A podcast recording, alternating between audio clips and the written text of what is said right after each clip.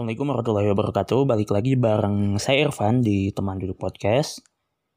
Alhamdulillah udah bisa masuk ke episode 31. Terima kasih saya ucapkan pertama-tama buat teman-teman yang udah dengerin episode ini. Di episode-episode sebelumnya saya banyak share tentang puisi, esai, menulis, dan hal-hal yang sangat random. Nanti juga ke depannya kemungkinan saya akan um, share juga masih tentang menulis, membaca uh, puisi, esai dan sebagainya. Um, saya tujukan podcast ini juga sebagai cara saya untuk mengingat apa-apa yang saya baca, apa-apa yang saya dengerin, apa yang saya dapetin tentang tema-tema tersebut dan gak menutup kemungkinan juga ke depannya bakal ada banyak uh, tema pembicaraan lain baik itu saya ngobrol sendiri atau mungkin ngundang teman-teman saya kenalan-kenalan saya yang expert di bidang yang nanti bakal diobrolin.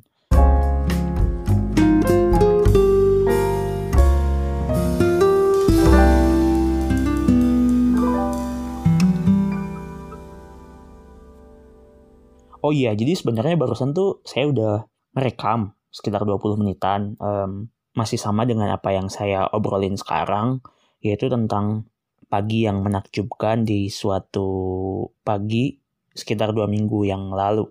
Tapi ternyata karena saya rekamannya pakai mikrofon dari head headset gitu, nah ternyata pas diedit itu tuh suaranya timbul tenggelam gitu jadi ngeganggu banget. Ya udah deh saya rekam ulang gitu. Nah jadi sekarang tuh saya bakal ngobrol aja santai tapi gak bakal nge-share um, tentang sesuatu yang sifatnya informatif uh, bersifat memberikan wawasan atau um, tips and trick melakukan sesuatu tapi saya pengen lebih ke cerita aja apa yang saya alami uh, sekitar dua minggu atau tiga minggu yang lalu. Saya agak lupa tepatnya gitu. Tapi yang saya alami bukan dalam artian horor atau gimana ya atau kejadian-kejadian yang yang mungkin dibayangkan teman-teman tuh aneh atau gimana. Enggak kok ini sebuah pengalaman personal aja yang mungkin banyak dari teman-teman juga mengalami gitu. Yaitu jadi mungkin saya bakal uh, cerita dari awalnya dulu gitu. Jadi sekitar dua atau tiga minggu yang lalu tuh saya ke Bandung kan. Jadi ketua prodi saya minta saya untuk jadi salah satu mahasiswa yang diinterview untuk kebutuhan akreditasi jurusan saya. Nah, um, saya tuh ke Bandung dari rumah hari Kamis. Um, dan pulang-pulang tuh hari Minggu. Saya nginep di kosan adik tingkat saya karena kosan saya tuh dari bulan Maret um, sampai kemarin Agustus itu tuh gak diisi gitu jadi agak horor gitu agak keeng di samping juga teman-teman kosan saya juga kayaknya gak pada nginep di sana gitu pada pulang selama masa pandemi ini. Kemudian pas kemarin saya ke kosan siang-siang sama adik saya juga, itu tuh diceritain lah sama tetangga gitu tentang horornya kosan saya. Jadi agak makin males gitu buat nginep ya udah. Akhirnya saya ngontak adik tingkat buat ikut nebeng ngekos, eh ngekos, nginep gitu. Nah jadi uh, selama malam Jumat, Sabtu, Minggu, nah berarti selama tiga malam saya nginep di sana. Nah, berhubung uh, adik tingkat saya juga orang Tasik dan pulang di hari Minggu, akhirnya kita bareng tuh. Jadi pulangnya subuh jam setengah lima atau ya jam empat lebih lah. Kita sama-sama pulang, tapi pakai motor masing-masing. Jadi kita gak boncengan gitu. Saya pakai motor sendiri, dia pakai motor sendiri. Nah pas subuh saya mampir ke masjid dia langsung cus gitu pulang hmm, nah saya tuh pengen uh, fokus ceritanya sebenarnya lebih ke keadaan di pagi hari yang sangat menimbulkan banyak kesan uh, personal buat saya karena selama saya di Bandung kayaknya jarang deh pulang dari Bandung ke Tasik di pagi hari terus pakai motor gitu. Pagi hari ya hitungannya subuh lah. Karena kalau jam 8 jam 9 mah mungkin pernah-pernah aja gitu. Nah, untuk pulang saya dua minggu kemarin itu saya menemukan banyak ya, hal-hal yang sangat berkesan bagi saya. Apa hal yang berkesan itu? Teman-teman dengerin ya ceritanya. Tapi jangan juga berekspektasi ceritanya akan berupa eh, konflik-konflik fisik atau apa gitu. Enggak, ini ceritanya uh, berupa ketakjuban saya aja sebenarnya terhadap uh, suasana di pagi hari itu gitu. Jadi kan saya sengaja tuh uh, pakai motornya pelan-pelan aja, uh, gak ngebut gitu. Jadi saya bisa mengamati kondisi sekitar yang saya lalui dari mulai kota Bandungnya itu sendiri yang ternyata pas waktu subuh itu berbeda banget sama siang uh, atau pagi jam tujuhan jam delapanan ketika orang-orang itu berangkat kerja ketika para pelajar itu berangkat sekolah ketika mahasiswa ke kampus. Nah itu beda banget gitu. Jadi jalanannya tuh sangat lengang ditambah udara yang sangat dingin juga.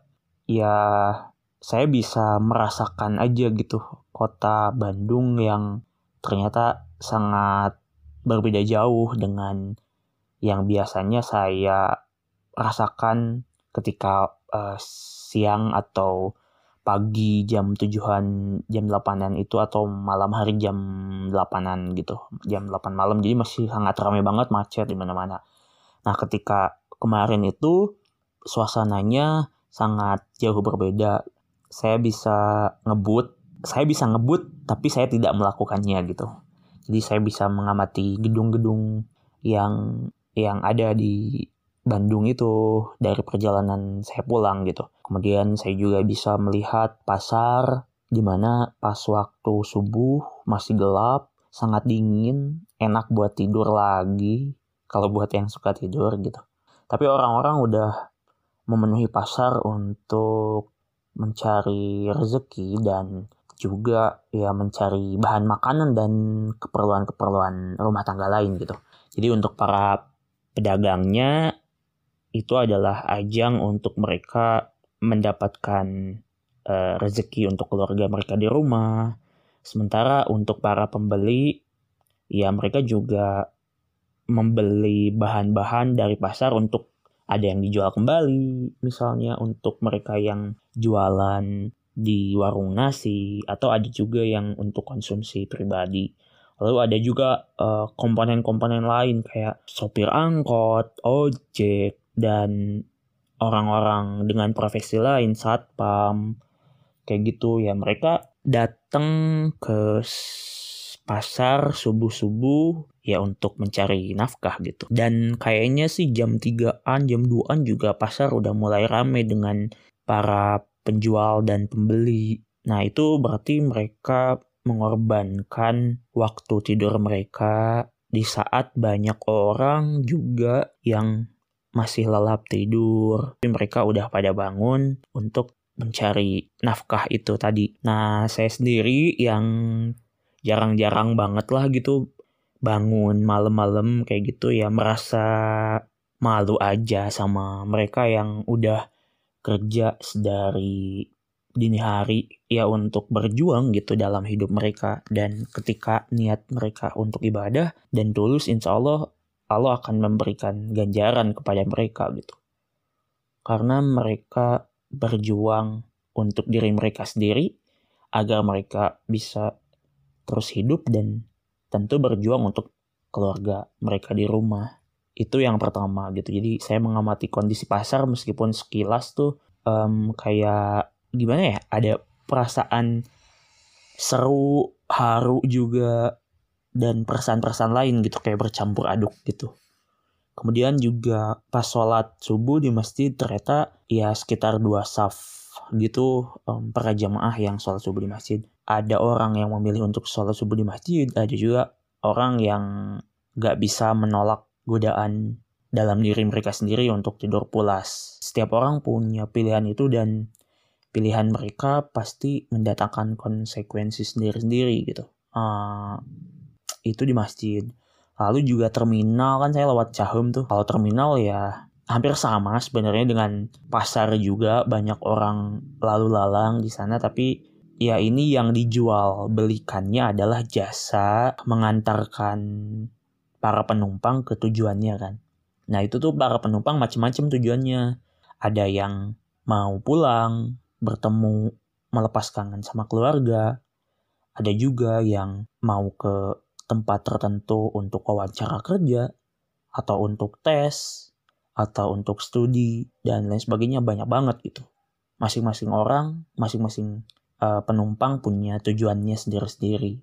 Lalu para sopir, para sopir ya sama aja mau uh, itu adalah momen mereka untuk mencari nafkah karena itu merupakan pekerjaan mereka Para pedagang yang berada di sekitar terminal juga mencari rezeki, mencari untung lewat berjualan.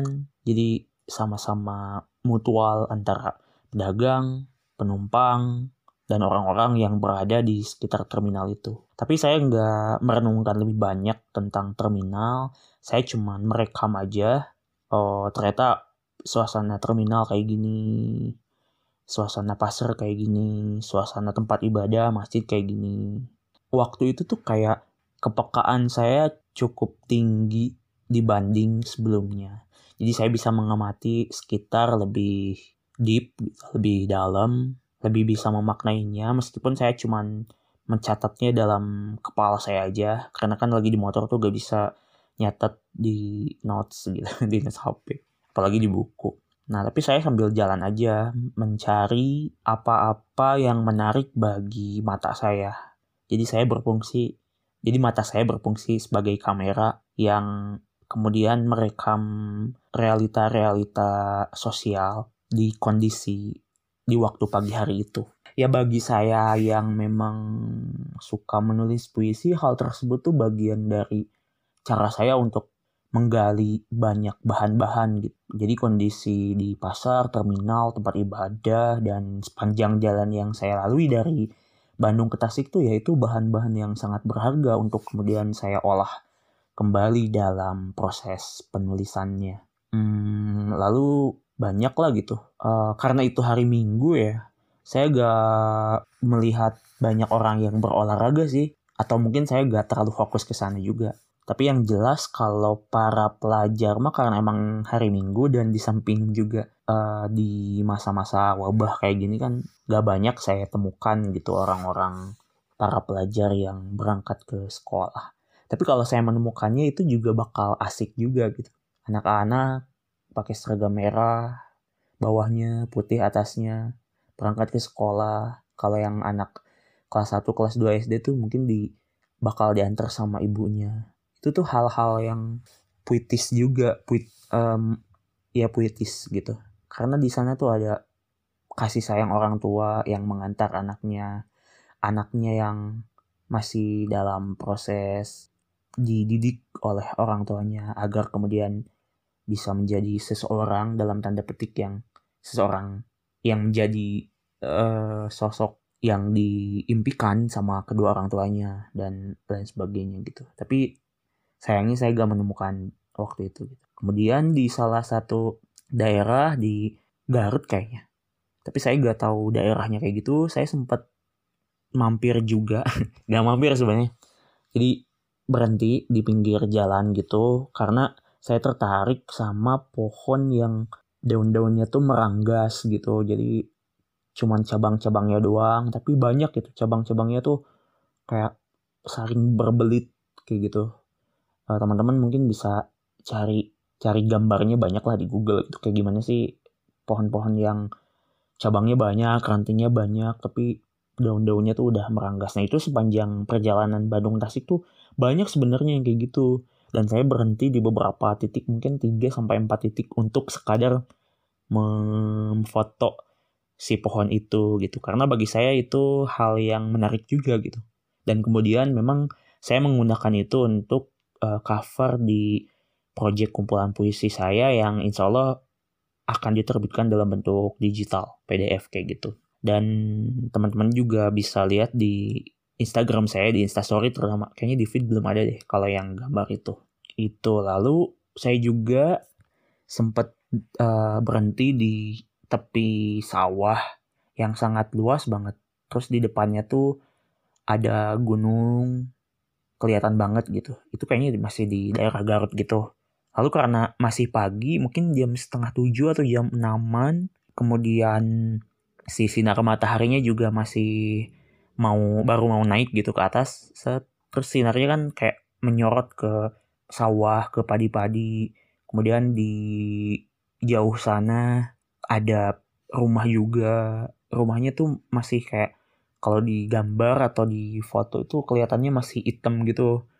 Dan uh, kalau kesorot sama sinar mataharinya. Kemudian awan-awan juga udah mulai muncul ditambah kabut. Jadi warna yang dihasilkan dari lukisan Allah itu gitu ciptaannya tuh kayak indah banget lah. Teman-teman bisa cari di Instagram saya sih di feednya kayaknya ada deh. Itu saya jadiin kayak background buat puisi saya beberapa puisi saya ya itu sih tapi tentu gambar dan aslinya tuh pasti ada perbedaan gitu ketika mengalami secara langsung tentu kesan yang ditimbulkan juga akan sangat beda gitu.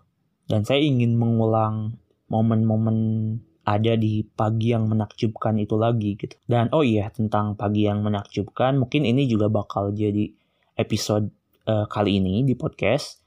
Nah lalu saya sempat mampir juga istirahat tepatnya. Kan saya oh iya saya tuh sempat beli ubi celembu di Nagreg. Kemudian karena agak lapar gitu saya mampir ke masjid di daerah Garut untuk makan satu ubi satu setengah ubi lalu saya juga kepikiran buat ngeplay lagu Silent Seven yang pagi yang menakjubkan gitu karena kayaknya lagu itu tuh mewakili apa yang saya rasain di minggu pagi waktu itu uh, suasana hati saya tuh gembira gitu riang dan uh, sangat bersyukur aja gitu bisa merenungi memaknai sebuah pagi di mana saya naik motor sendirian nggak ada orang yang bisa saya ajak ngobrol gitu.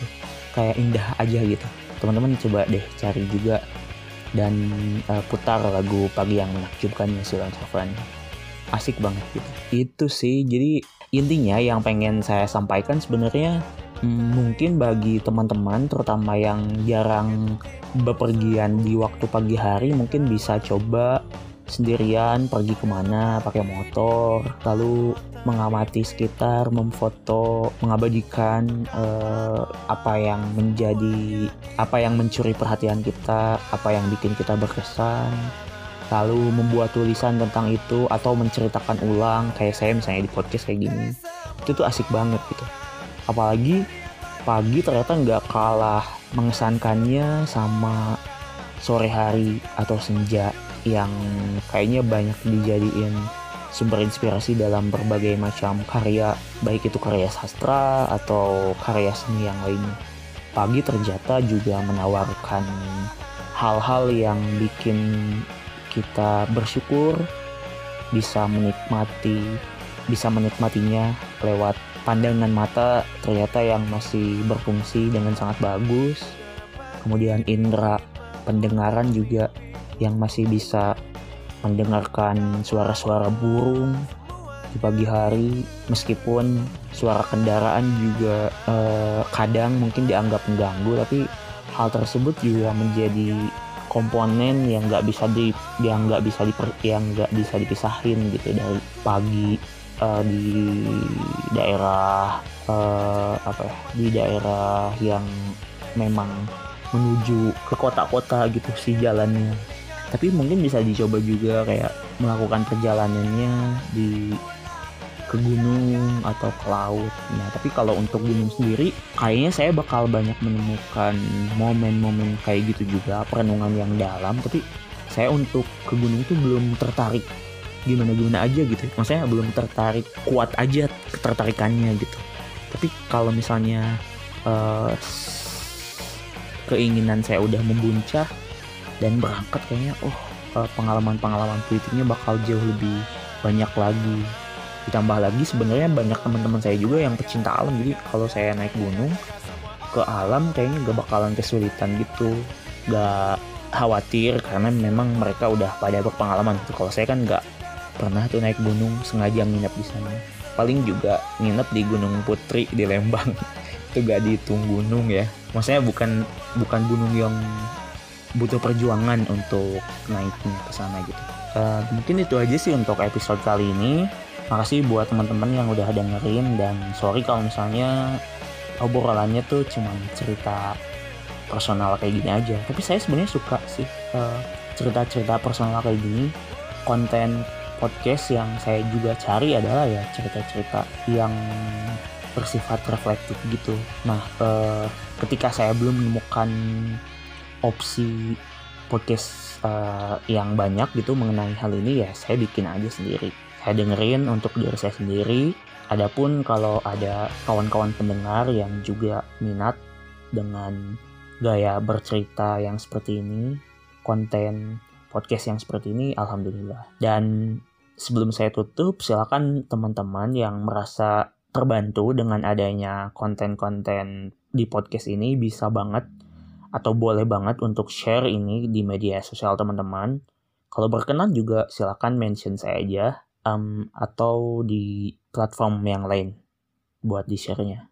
Sekali lagi makasih buat teman-teman yang udah dengerin. Mohon maaf apabila banyak kekeliruan. Assalamualaikum warahmatullahi wabarakatuh.